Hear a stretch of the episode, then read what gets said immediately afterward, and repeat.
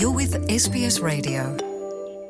ሰላም ንዓኹም ይኹን ክቡራት ተኸታተልቲ ስፔስ ትግርኛ ነዚ ሰዓት ተዳልወ ጸብጻብ ንምቕራብ ረስታቱ ክነቐድም መጽሔት ታይም ኣብ 222 ጸለውቲ ካብ መንጎ ዝኾኑ ሚእቲ ሰባት ኢሉ ዝሓርያ ዶክተር ትምኒት ገብሩ ኣብ ትግራይ ምጥፎ ዓሌት ወይ ጆኖሳይድ ይፍጸም ኣሎ ብምባላ ንፍርራሓት ከም ዝሰዓባ ተዛሪባ ኢትዮጵያ ንጋዜጠኛ ያህዮሰው ሽመልስ ዝርከቦም ልዕሊ ዓሰርተ ሽዱሽተ ሰባት ገንዘብ ተኸፊልዎም ናዕቢ በጊሶም ዝብል ክሲ ከምዝመሰረትሎም ተገሊፁ።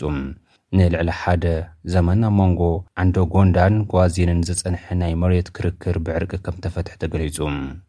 ኣርስታት ዜና ክትከታተሉ ጸኒሕኩም ክቡራት ሰማዕቲ ናብ ዝርዝራቶም ክንሓልፍ። መጽሔት ታይም ኣብ 222 ጸለውቲ ካብ መንጎ ዝበለን ሚእቲ ሰባት ሓንቲ ዝኾነት ዶክተር ትምኒት ገብሩ ኣብ ትግራይ ምጥፋእ ዓሌት ወይ ጀኖሳይድ ይፍጸም ኣሎ ብምባላ ምፍርራሓት ከም ሳዕባ ተዛሪባ ትምኒት ኣብ ኢትዮጵያ ካብ ኤርትራውያን ወለዲ ከም ዝተወለደት እያ ትገልጽ ደሓር ብሰንኪ ኣብ መንጎ ኢትዮጵያን ኤርትራን ዝተወልዐ ኲናት ምስ ወለዳ ናብ ኤርትራ ከም ዝተሰጎጎት ትሕብር። ሕዚ ኣብ ኢትዮጵያ ምጥፋእ ዓሌት ይፍጸም ኣሎ። ኣብታ ሃገር ብሓድሕዳዊ ኲናት ዝተጎልበበ ጀኖሳይድ ይፍጸም ኣሎ። ኣብ ትግራይ ኣብ ዝሓለፉ ዓሰርተ ሸሞንተ ኣዋርሕ ዛጊድ ክሳብ ሓሙሽተ ሚእቲ ሽሕ ህዝቢ ከም ዝሃለቐ እዩ ዝግመት። ሸውዓተ ሚልዮን ህዝቢ ካብ ህልቂት ተሪፉ። ምስ ብዓሰርተታት ኣሽሓት ዝቑጸሩ ስደተኛታት ኤርትራ መግቢ፣ መድሓኒት፣ ኢንተርኔት ከይረክብ ተዓጽዩ ስቓይ እንዳረኸበ ይርከብ ክትብል ንተመረቕትን ተምሃሮን ማሕበረሰብ በርክሊ ዩኒቨርሲቲ ኣብ ዝሃበቶ መደረ ሓቢራ። ዶክተር ትምኒት ነቲ ሰራዊት ኤርትራን ኢትዮጵያን ከምኡ ድማ ሓይልታት ኣምሓራ ኣብ ልዕሊ ህዝቢ ትግራይ የካይድዎ ዘለዉ ኣብ ዓለም እቲ ዝኸፍኣ ደም ምፍሳስ ዝተርኣየሉ ዝበለቶ ህልቂት ብሽሙ ጀኖሳይድ ወይ ምጥፋእ ዓሌት ኢልኩም ጸውዕዎ ብምባላ መጥቃዕትን ምፍርራሕን ብኦንላይን ከም ዝበጽሓ ተዛሪባ። እቲ ንዓኣ ዘጸገመ ጉዳይ ግን እቲ ምፍርራሓት ዘይኰነስ፣ ብወገን ኢትዮጵያን ኤርትራን ዘለዉ ምሁራን ነቲ ገበን ከም ዘይተፈጸመ ምኽሓዶም፣ ማዕረኡ ገበን ከም ዝተፈጸመ ዘምስል ናይ ሓሶት ሰነድ ክስንዱ ምብጋሶምን ገለ ከኣ ብስቕታ ነቲ ኵነታት ምሕላፎምን ከም ዘገደሳ ገሊጻ። ዶክተር ትምኒት፣ ምሁራት ነቲ ህልቂት ብሓደ ድምጺ ክኹንንዎ ብምምሕጻን፣ ነቲ ዝፍጸም ዘሎ ገበን ምጥፋእ ዓሌት ከም ዘይተፈጸመ ካብ ምኽሓድ ወጺኦም ንሰብኣዊ ክብርታት ክቖሙ እውን ጸዊዓ። ናይቲ ዩኒቨርሲቲ ማሕበረሰብ ስቓይ ህዝቢ ትግራይ እንታይ ይምልከተና ኢሉ ዕሽሽ ካብ ምባል ናቱ ከም ዝኾነ ተረዲኡ ብምብጋስ ለውጢ ከምጽእ እውን ተማሕጺና።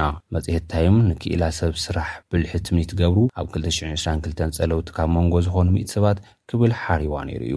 መራሒት ጉጅለ ስነ-ምግባር ሰብ ስራሕ ብልሒ ጉግል ዝነበረት ትምኒት፣ ኣብ ወርሒ ታሕሳስ ክልተ ሽሕን ዕስራን ብስነ-ምግባር ነቲ ትካል ብምንቃፍ ካብቲ ትካል ከም ዝተሰጎጎት እዩ ዝዝከር።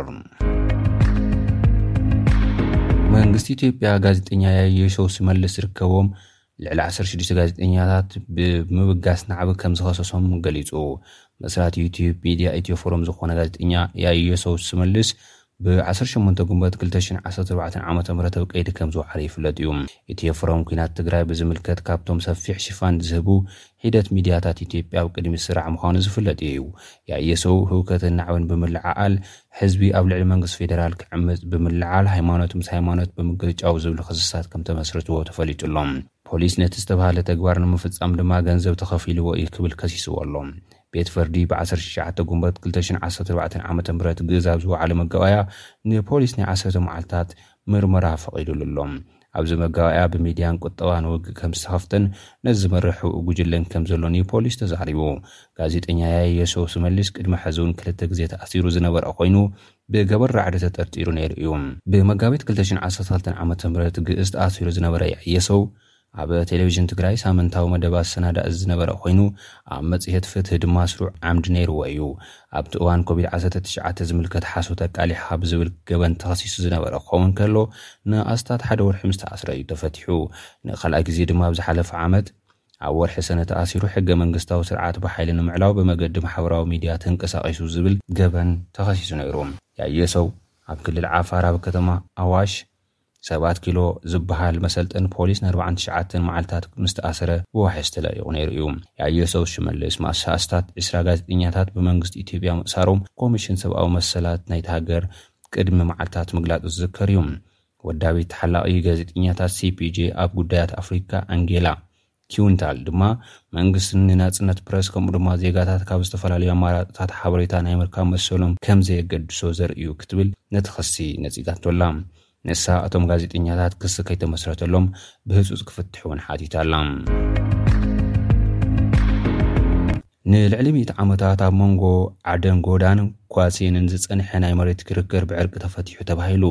ኣብ ዞባ ማእከል ንኡስ ዞባ ሰረጀቓ ዝርከባ ዓድታት ዓደንጎዳን ኳጺንን ልዕሊ ሚእቲ ዓመታት ዝጸንሐ ናይ መሬት ክርክረን ምምሕዳር ዞባ ማእከልን ኮሚቴታት ክልቲኤን ዓድታትን ብዘካየድኦ ጻዕሪ ብዕርቂ ከም ዝፈትሕኦ ሓቢረን ኣለዋ።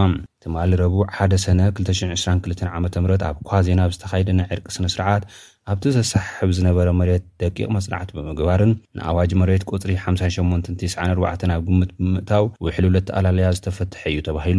ህዝቢ መሬት ናይ መንግስቲ ምኻኑ ተገንዚቡ ካብ ቂምን ቅርሕንትን ርሒቑ ናይ ተጠቃምነት መሰሉ ክሕሉ ድማ ኣብቲ